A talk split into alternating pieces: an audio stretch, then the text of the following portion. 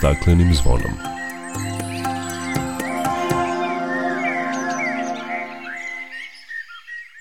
Dobar dan i dobrodošli na Zeleni talas prvog programa radija Radio Televizije Vojvodine. Ja sam Dragana Ratković. Posledice nevremena koje je početkom avgusta zahvatilo naš region još se saniraju. Govorit ćemo o tome da li su učestale nepogode dokaz da se klima menja i da li će ovakvi ekstremni događaji biti učestali u budućnosti.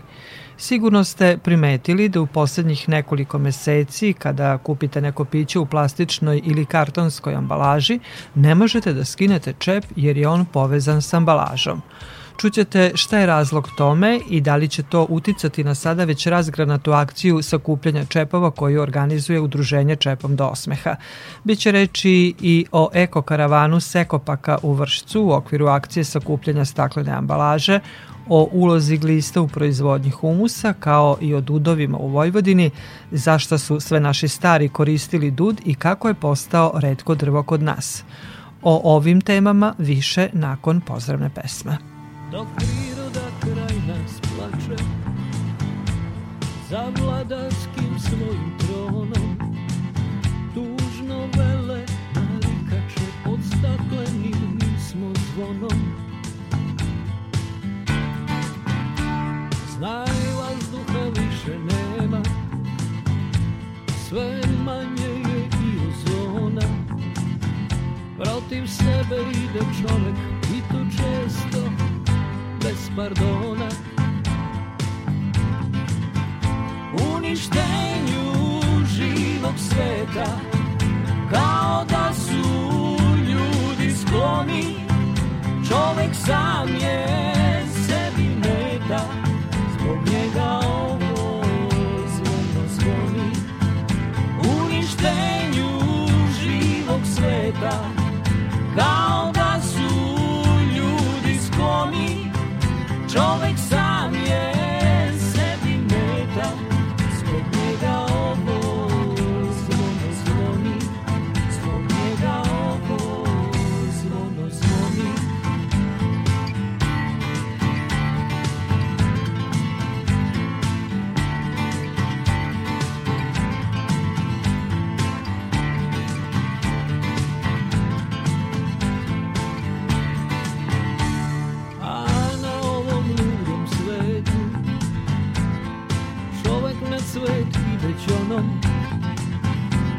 Šta nudimo to detetu od stakleni kad smo zvonom Uništenju živog sveta.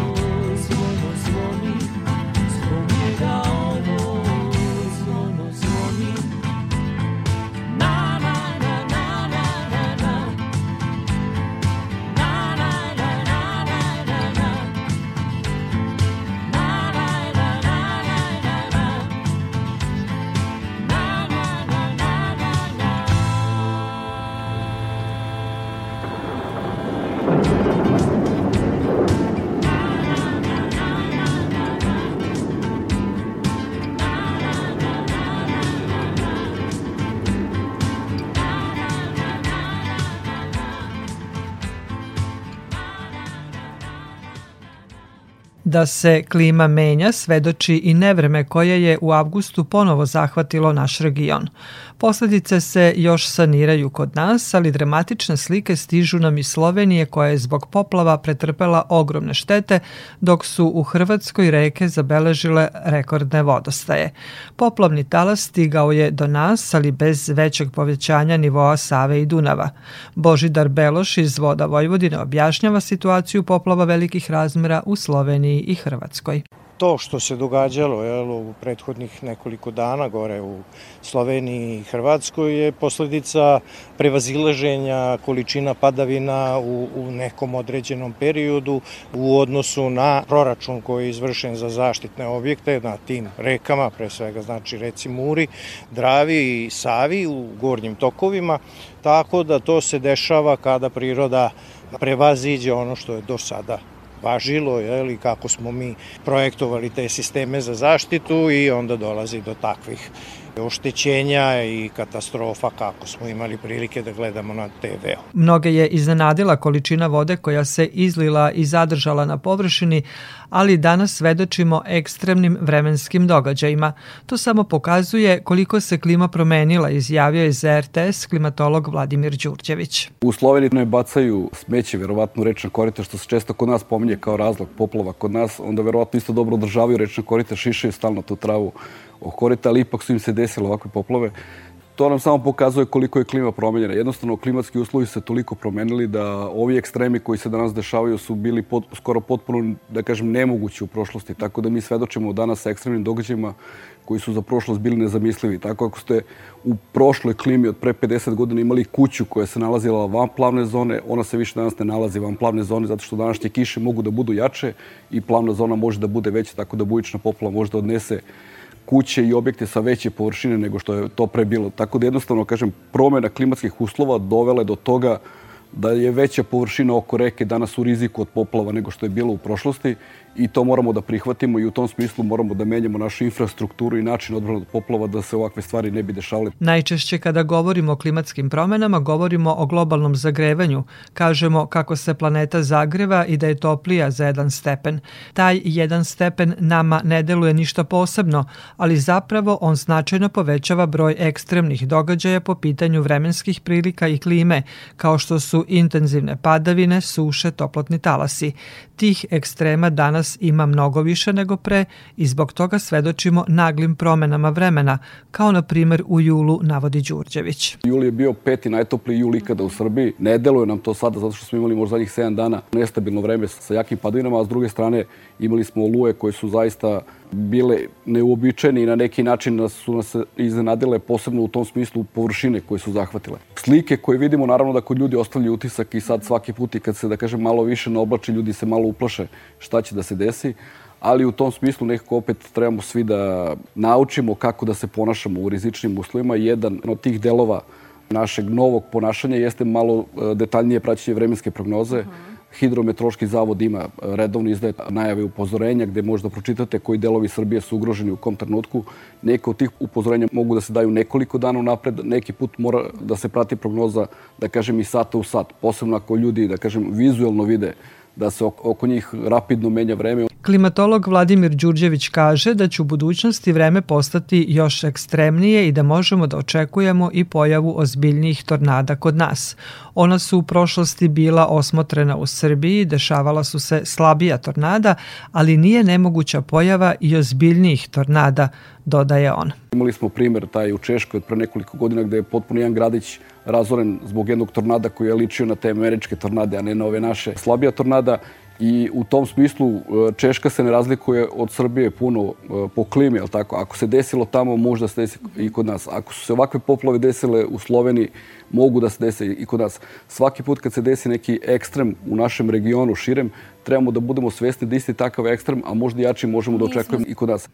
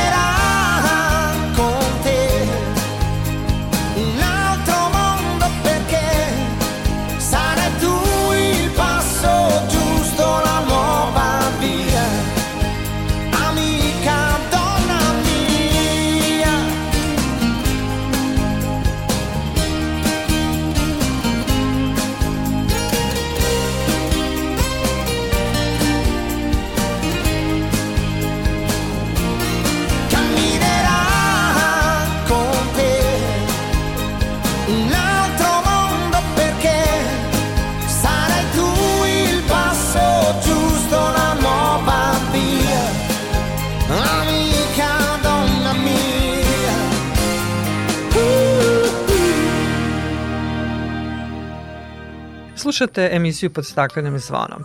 Sigurno ste primetili da u poslednjih nekoliko meseci kada kupite neko piće u plastičnoj ili kartonskoj ambalaži ne možete da skinete čep jer je on povezan sa flašom. Šta je razlog tome i da li će to uticati na sad već razgranatu akciju sakupljanja čepova koje organizuje udruženje Čepom do osmeha? O tome razgovaram sa predsednicom ovog udruženja Vanjom Petković. Vanja, dobrodošli na Talasa Radija Novog Sada. Dobar dan i hvala vam na pozivu što se družimo i što uvek pratite sve naše aktivnosti i naš rad. Poslednjih 2-3 meseca na tržištu kod nas pojavile su se flaše koje su povezane sa čepom. Obrazloženje kažu povećanje reciklaže plastike u cilju zaštite životne sredine. Svi znamo koliko plastika negativno utiče na životnu sredinu, a posredno onda i na zdravlje ljudi.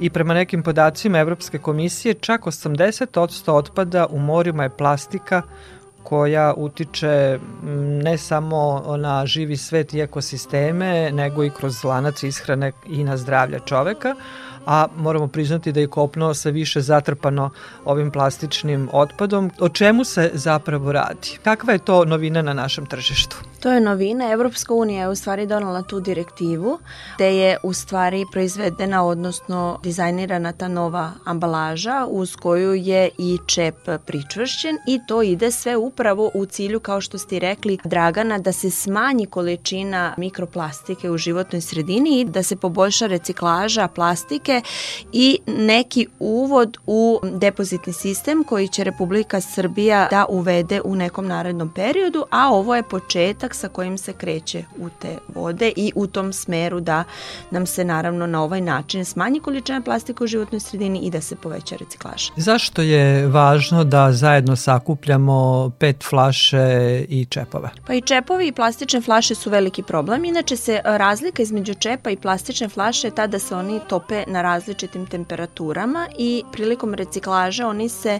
i odvajaju. Međutim, kao što sam rekla, ta zajednička ambalaža smanjuje da dolazi do rasprašivanja i širenja plastike, ali svakako da imamo veliku količinu i čepova u životnoj sredini, a imamo i veliku količinu plastičnih flaša koje se nalaze na tone dnevno samo se izlije iz Dunava.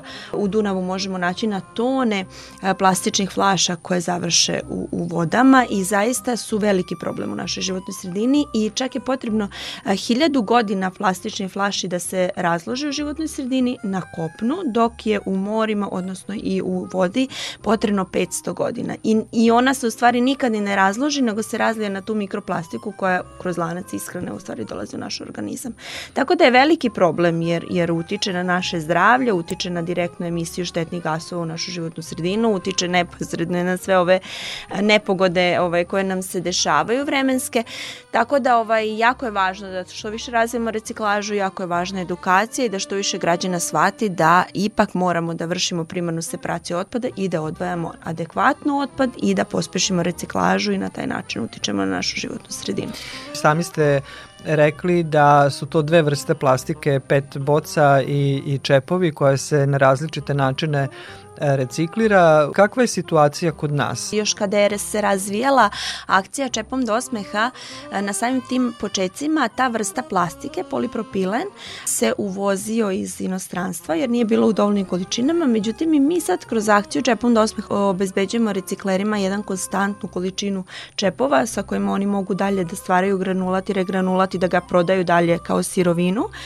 Ta postrojenja koja su razvijena u svetu bolje funkcionišu zato što jako je važno kod reciklaže da nam sav otpad bude opran i čist i takva postrojenja prepoznaju tu vrstu otpadne plastike e, kao mogućnost da se reciklira samo ukoliko je adekvatno pripremljena i zato nam je taj depozitni sistem važan jer mi kad budemo vratili tu flašu u taj automat danas sutra jer depozitni sistem jeste u stvari postavka automata na određenim lokacijama gde građani mogu da postave e, flašu u automat i za to dobijaju neki benefit i na taj način se obezbeđuje ta količina reciklabilnog materijala koja je čista i takva postrojenja mogu da prepoznaju. Nije sad ni suština postaviti kontejnere za reciklažu ili te automate ukoliko građani nisu dovoljno edukovani, jer se može stvoriti samo više štete nego koristi. Zato je potrebno ići malim koracima, ali velikim za našu struku, edukacija, konstantna prisutnost i edukacija građana kako se reciklira, kako se odvaja otpad i da se vrši ta prevana separacija, da bi se mogla u postrojenjima vršiti adekvatna i reciklaža. Spomenuli smo direktivu Evropske unije o e, smanjenju plastike za jednokratnu upotrebu. Vi ste više od 10 godina krenuli sa ovom akcijom Čepom do osmeha i na taj način pet Tako boca je. smo možda i iskupljali, ali sigurno čepove nismo ukazali na to da treba sakupiti svu plastiku koja se nađe u životnoj Tako sredini. Tako je, ja sam još 2007. godine kada sam upisala osnovne studije na ekologiji, razvila ideju čepova i istraživala malo tržište i videla da je ta plastika potrebna u Srbiji što se tiče tržišta, isto tako na neposredan način kroz humanitarni rad i pomoć onima kojima je najpotrebnije uspela da razvijem svest kod građana i ne samo ja, naravno i ceo moj tim i svi ljudi koji zajedno sa mnom rade,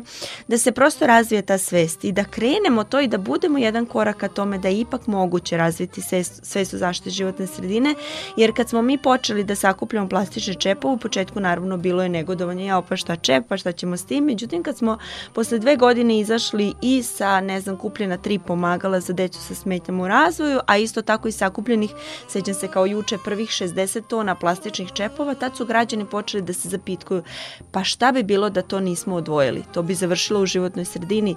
Mi danas posle, evo, 10 godina postojanja, odnosno 11 godina postojanja udruženja, mi smo sakupili 1000 tona plastičnih čepova, samo u jedan džak stane 4500 komada, jedan džak je težak 10 kg.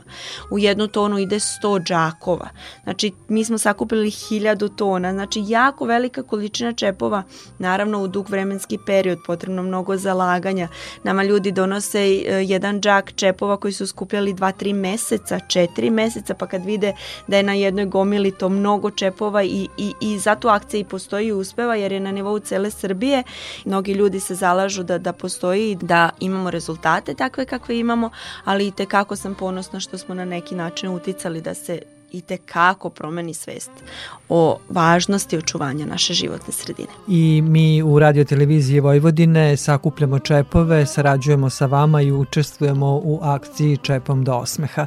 Kako će ova direktiva Evropske unije uticati na vaše aktivnosti sakupljanja čepova s obzirom na to da su sada čepovi pričvršćeni uz pet ambalažu? Za sada, naravno ne mogu nikada da kažem šta će biti u nekoj budućnosti, ali za sada na to na nas ne utiče. Kao što smo već i rekli, jako je malo potrebno da se taj čep odvoji od flaše. Ja pozivam i dalje sve ljude koji podržavaju čepom do osmeha i koji sakupljaju plastične čepove da ne odustaju, ali svakako mi planiramo u budućnosti da idemo ka tome da se proširi ta svest o primarnoj separaciji otpada i ne samo čepova, nego i flaša. Kod nas u Čirpanovoj 25 u Novom Sadu imaju građani mogućnost da donesu i papir i lime limenke i staklo i pet i čepove naravno.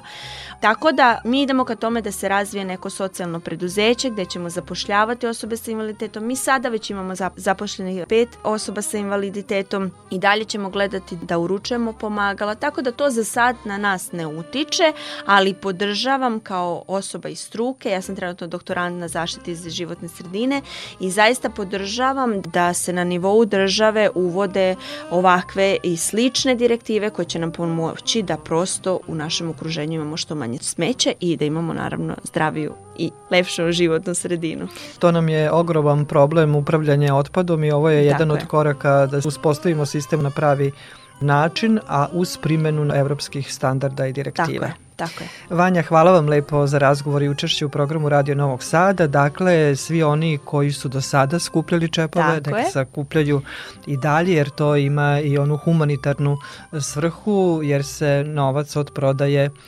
čepova koristi za nabavku pomagala za Tako. osobe sa invaliditetom.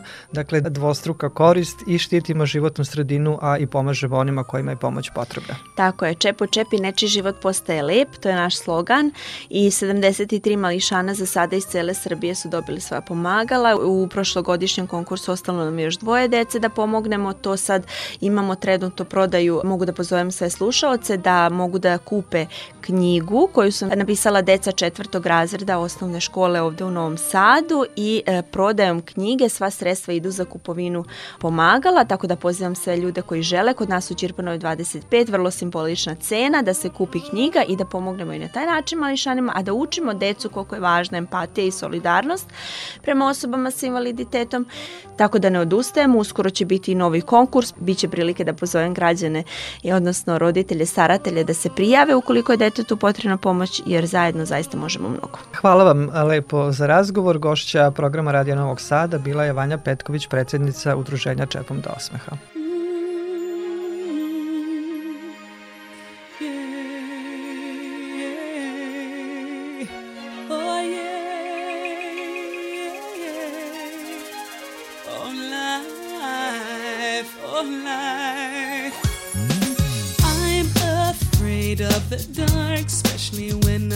the around. Ooh, I get the shivers. I don't wanna see a ghost. It's a sight that I fear most. I'd rather have a piece of toast. Watch the evening news. Life, oh life,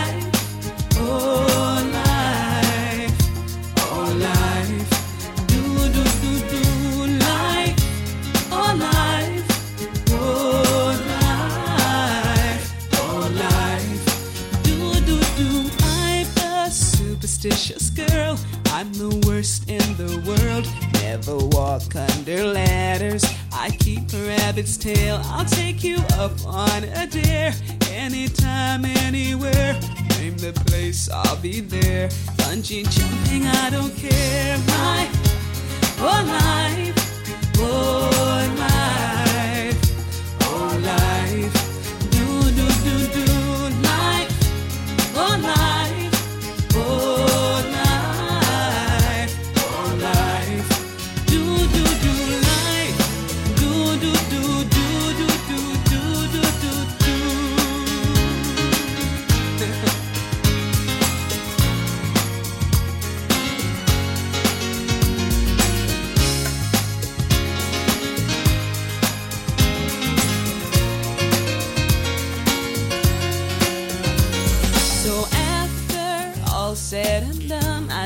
I'm not the only one. Life indeed can be fun if you really want to. Sometimes living out your dreams ain't as easy as it seems. You wanna fly around the world in a beautiful balloon. I, oh my, oh life, oh life,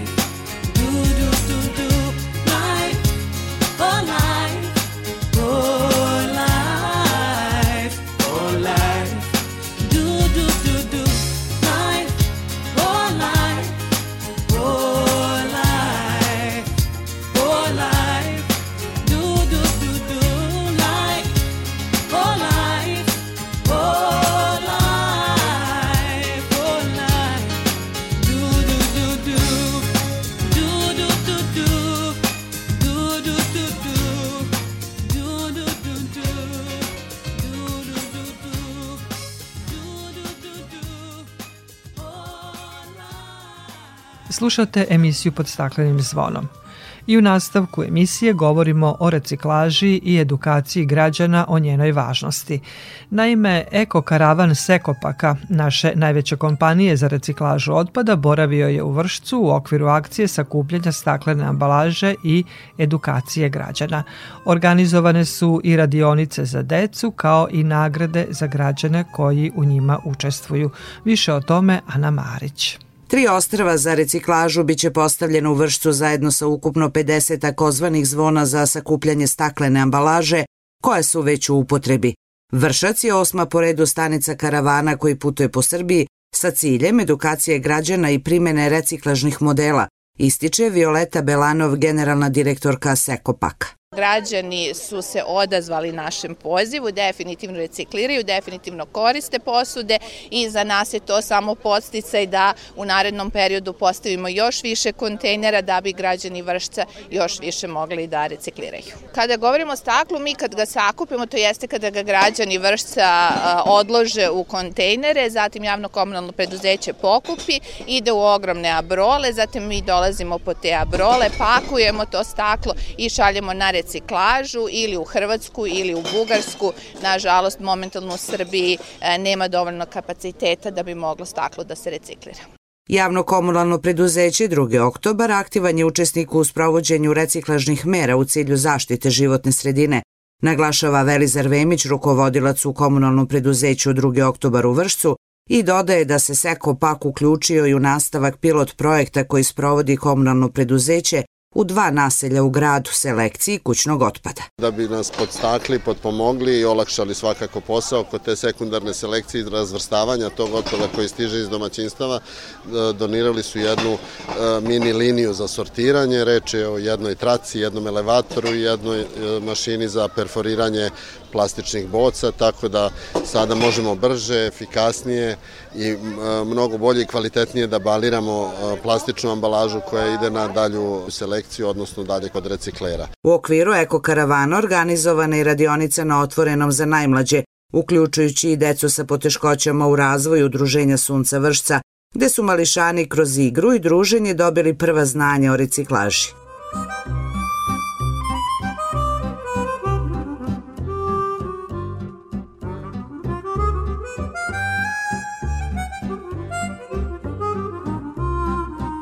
A jedan od načina reciklaže organskog otpada je kompostiranje i u tom procesu mogu da pomognu mala, ali vredna i korisna stvorenja, provodeći svoj životni ciklus tik ispod površine zemlje na dubini od svega 10 do 30 cm, hraneći se upravo organskim otpacima. Ona to isto zemljište čine plodnim, a da mi koji živimo na površini nismo toga ni svesni. Naravno, to su gliste, životinje koje pripadaju porodici lumbricida, roda lumbricus, a vrsta koja nas ovoga puta najviše zanima je crvena kalifornijska glista, dok pecaroše ptice i domaću živinu, a naročito ribe, interesuju i još neke druge vrste. Više o ovoj temi saznaćemo od kolege Vlade Matijevića. Gliste su višestruko korisne, apsolutno bezopasne, izvrsni oplemenjivači zemljišta, baza organske proizvodnje, hrana za ptice i ribe. najprirodnije organsko đubrivo na svetu predstavlja produkt prerade organske materije kojima se hrane gliste, a nazivamo ga lumbrihumus, vermikompost ili jednostavno glistenjak. Gliste mogu razgraditi gotovo sve tipove organskog biorazgradivog otpada, otpadke od voća i povrća, prerađeni, fermentisani ili prevreo stajnjak, karton, celulozu, pa čak i talog od kafe. Produkt ove prerade glista predstavlja visoko kvalitetno organsko đubrivo koje ne sadrži patogene ni štetne mikroorganizme, a u mešavini sa šumskim tresetom na tržištu je poznat i pod nazivom ekohumus, ekstra humus i slično. Upotrebna vrednost glistenjaka je višestruka. Ono najvažnije što treba napomenuti da je glistenjak nezamenljivo đubrivo u organskoj proizvodnji, a dobijeno je na potpuno prirodan način sa optimalnim odnosom mikronutrijenata. Pri đubrenju sa glistenjakom ne može se preterati kao što to može biti slučaj sa stajnjakom. Glistenjak je idealan za prihranu baštenskih, ukrasnih i lekovitih biljaka, rasada povrća i cveća, a u obliku substrata apliciranjem uz samu biljku utiče na efektan razvoj korena i vešestruko ubrzava njen rast. Glistenjak poboljšava strukturu s obzirom na njegov pH koji je praktično neutralan i kreće se od 6,2 do 8, a najčešće od 7 do 7,2, što uspešno popravlja kisela zemljišta i tlo uopšte čini plodnim, zadržava vlagu, a i povećava otpornost biljke na razne bolesti i izuzetan je za sve baštenske kulture. Priručni glistenjak se lako formira u dnu bašte ili plastenika i za to nije potreban veliki prostor. O tome smo razgovarali sa Draganom Mijićem iz Futoga, koji se ovom vrstom proizvodnje počeo baviti tek nedavno, ali je već vrlo brzo spoznao prednosti i upotrebnu vrednost lumbrihumusa kao produkta prerade organskog otpada koji vredno proizvode kalifornijske gliste. Tehnologijom proizvodnje vrlo brzo se može ovladati, ali krenimo redom. Dragane, kako i, i kada si se odlučio da formiraš vlastiti glistenjak? Pa ovako, za formiranje svog prvog vlastitog glistenjaka odlučio sam se sasvim slučajno.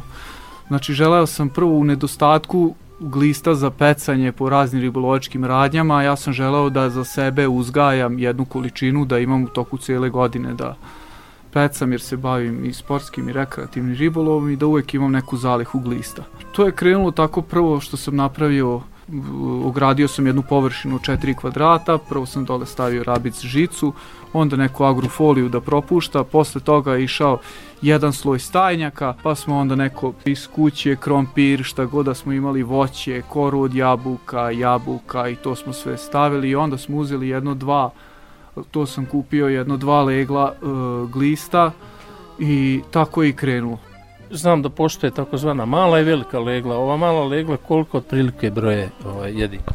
Pa, mala legla broje tako od 2 do 3 hiljade jedinke, ali to su jedinke i male budu i odrasle, bude tu i kokona, to jest malih jajašca. Relativno brzo i narastu i brzo se to i razvija i razmnožava. Koliko često i u kom vremenskom periodu se glistenjak, odnosno leje same proširuju za novo leglo? Pa ovako, taj glistenjak se relativno brzo i proširuje, otprilike za tri meseca e, količina jedinki se podupla.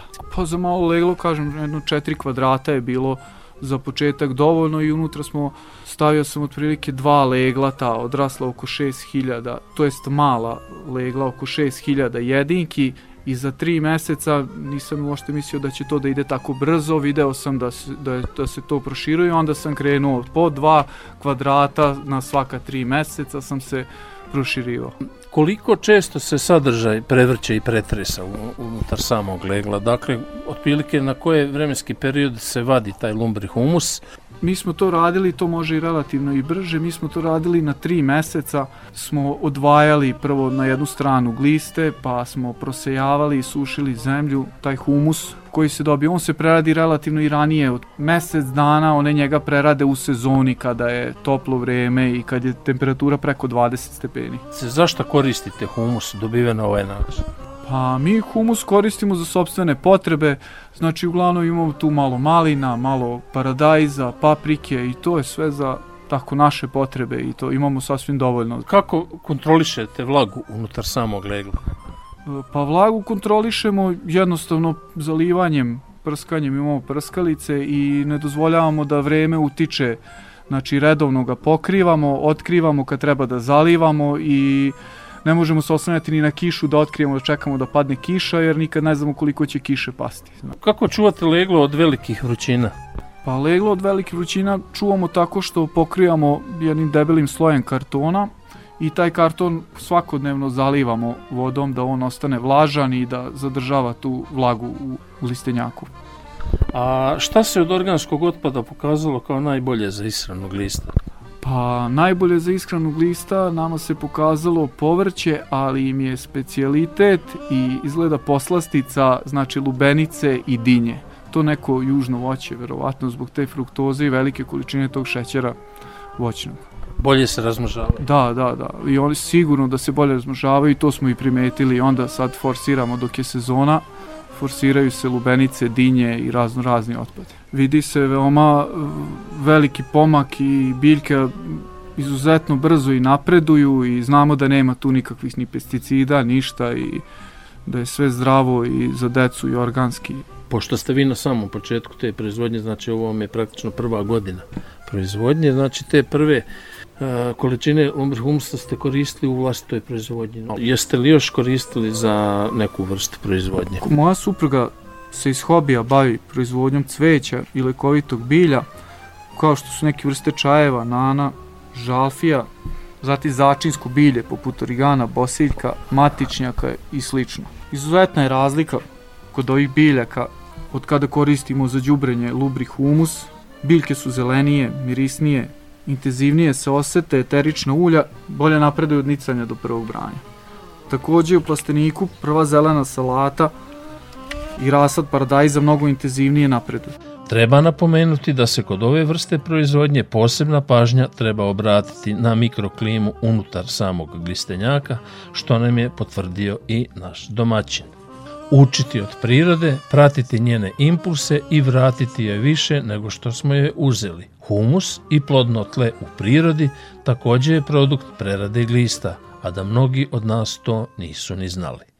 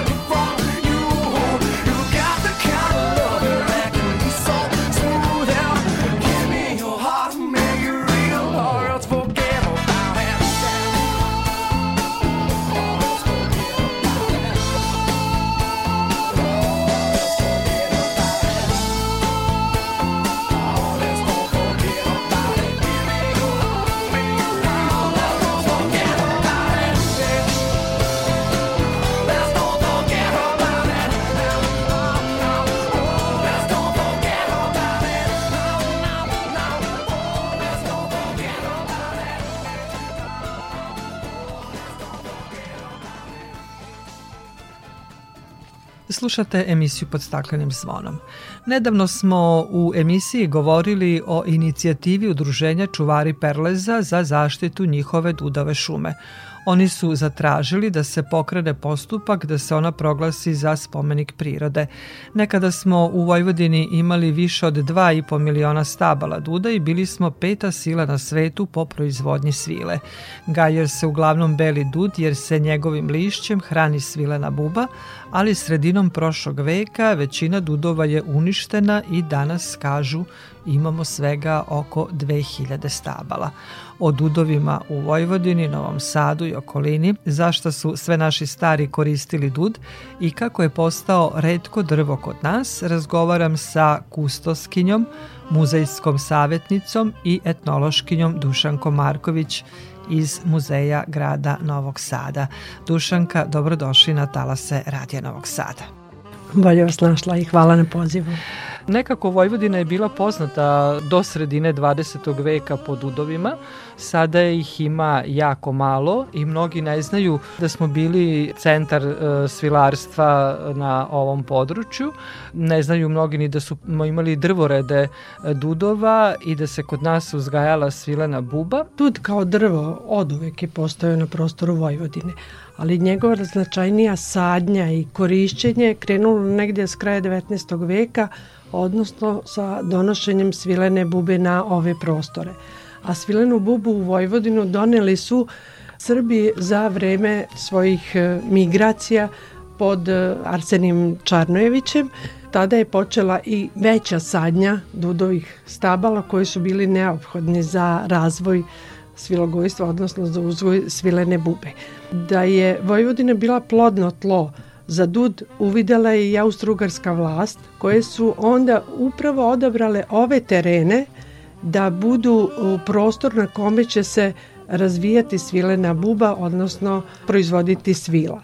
Zbog toga su oni donosili brojne uredbe kojima su na neki način e, nalagali sadnju dudovih stabala. Mi sad dud doživljamo nostalgično, pogotovo stariji ljudi koji još uvijek pamte u svojim sećanjima i dudove šume i drvorede dudova pored puta, ali u suštini to je bio namet jer je se moralo saditi dudova stabla i moralo se krenuti sa proizvodnjom svilene bube. E, mi vezujemo dud za svilenu bubu, ali našim predsima je koristio u razne svrhe. Tako je, ima svoje i lekovita dejstva e, i to ne samo plod, od duda se koristi i lišće, koristi se i drvo, znamo da je drvo izuzetno kvalitetno, ne samo za ogrev, nego i za izradu nameštaja, ali boga mi za izradu buradi, kažu da je najbolja rakija bila upravo iz dudovih burad. Da, koristili su ga i za ishranu, hranili su svinje, živinu, od duda se i pekla rakija, ne samo pravila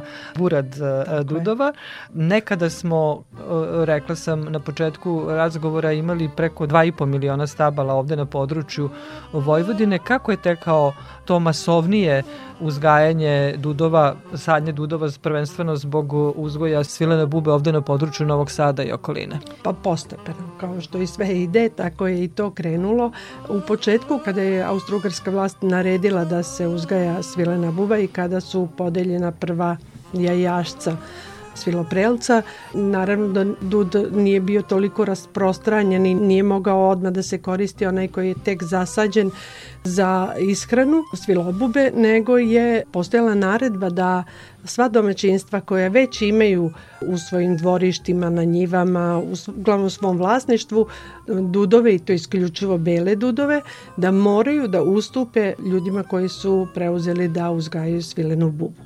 Onda je krenula sadnja duda i da bi se dud zasadio morali su postojati rasadnici. Znači negde se te mladice, sadnice su morale uzgajati i onog momenta kad se dudovi zasade, oni se ne mogu koristiti prvih šest godina za ishranu svilobube. Znači moralo je proći bar šest godina dok je to prvo lišće koje je moglo biti brano sa novih sadnica. Tako da je i taj period razvoja svilogojstva ovdje bio relativno spor. To je krenulo znači negdje od 1750. da bi neki svoj maksimum živelo pre e, bombardovanja ili revolucije 1848-49. godine. Tako da i ta revolucija uticala na to da razvoj svilogojstva, samim tim i dudarstva, na neki način bude zaustavljen ali je vrlo brzo posle toga opet nastavljen taj trend, tako da mi imamo te podatke koje ste malo pre rekli, preko 2 miliona dudova na prostoru Vojvodine To je negdje pred prvi svetski rat. Tad je zaista bilo najveći broj dudova. Rekla sam da dudovi se ne mogu koristiti pre svoje šeste godine za branje i za ishranu sviloprelca i nekako njihov najoptimalniji vek za ishranu je negde do 60 godina. Mi sad znamo da postoje dudovi stariji preko 200, 300, čak i jedan od 700 godina, ali ovaj njihovo lišće nije toliko zdravo za e, ishranu svilene bube koliko je u ovom periodu od 6 do 60 godina. Da, u jednom momentu Novi Sad je imao negde 750.000 stabala. Tako je. Redko koje mesto, ne samo grad, nego i selo, da nije imalo svoju dudovu šumu, takozvanu dudaru, jer šuma se zove dudara, ne samo rakija, ali znamo da su mnogi putevi bili zaštićeni drvoredima duda. Takođe postojala je naredba da svako domaćinstvo mora da zasadi 12 do 20 stabala u svom dvorištu ili u svojoj bašti. Postojale su uredbe kojima se momak nije mogao oženiti dok ne zasadi određen broj stabala. Takođe, to je bilo na takvom nivou razvoju svilogojstva ovde da je ono bilo uvedeno i u škole. Znači, ne samo da su deca izučavala predmet svilarstvo, nego je svaka škola imala obavezu da u svom dvorištu ili u okolini zasadi određen broj stabala i da znači praktično uče decu kako se pravi svila. To je period kada se sadnjom duda podsticao privredni razvoj ovog e, kraja, ne samo Novi Sad, rekao smo i okolna mesta i sela, Futog je poznat, Bačka Palanka Tako po je. velikom broju stabala duda, ali jedan od uzroka propadanja svilarstva u Vojvodini je negde sredinom prošlog veka. Možemo da kažemo Dudovac je samo bio, ajde, povod. Uzrok uh mhm. -huh. je bio znatno dublji, a to je što je država jednostavno imala neku drugu strategiju u svom razvoju, a znamo da je za vreme bivše Jugoslavije akcenat bio na razvoju teške industrije. Ovo nije spadalo u mhm. tešku industriju, a da je Vojvodina bila predviđena kao žitnica te tadašnje države, što je posle i postala. Zbog toga svilogojstvo ili e, dudarstvo nije bilo uopšte u opsegu tog budućeg razvoja SFRJ. Zbog toga je znači jedan od razloga je zašto je kada se pojavila bolest dudavac je naređeno da se sva dudova stabla poseku ne samo u celoj organizaciji, u celoj državi. Ali možemo reći slobodno da ni drvoredi ne bi ništa smetali razvoju poljoprivrede u Vojvodini ali to je bio jedan od razloga. Drugi razlog jeste bio i ekonomske prirode. Znamo da već svila je dosta skupa i sama proizvodnja svile je dosta skupa.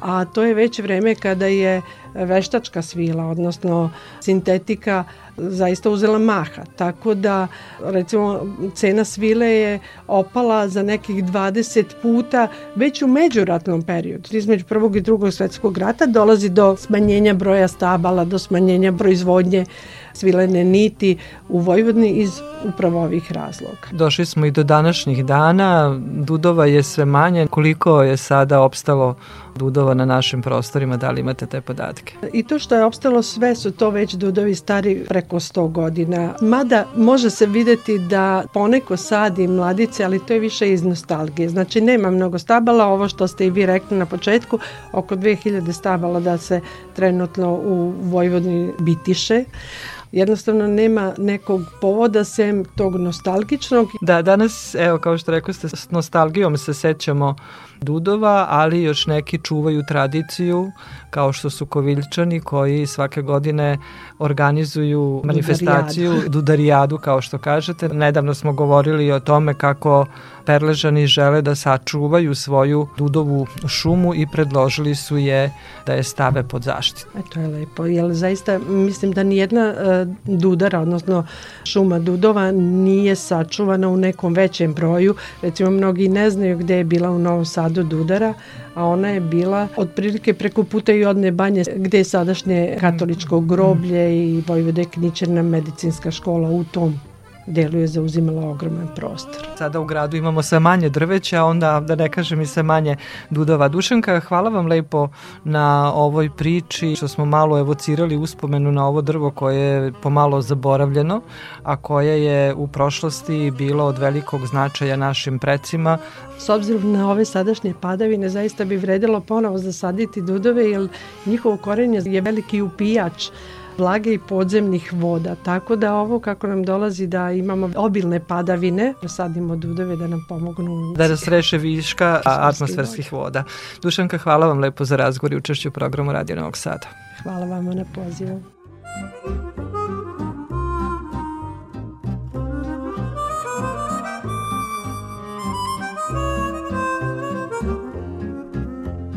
Toliko u ovom izdanju emisije pod staklenim zvonom koju možete slušati i odloženo na podcastu Radio Televizije Vojvodine na adresi rtv.rs. Emisiju realizovali Iboja Šanca, Maja Tomas i Dragana Ratković. Naredni susret zakazujemo za sedam dana u isto vreme na zelenom talasu prvog programa radija Radio Televizije Vojvodine.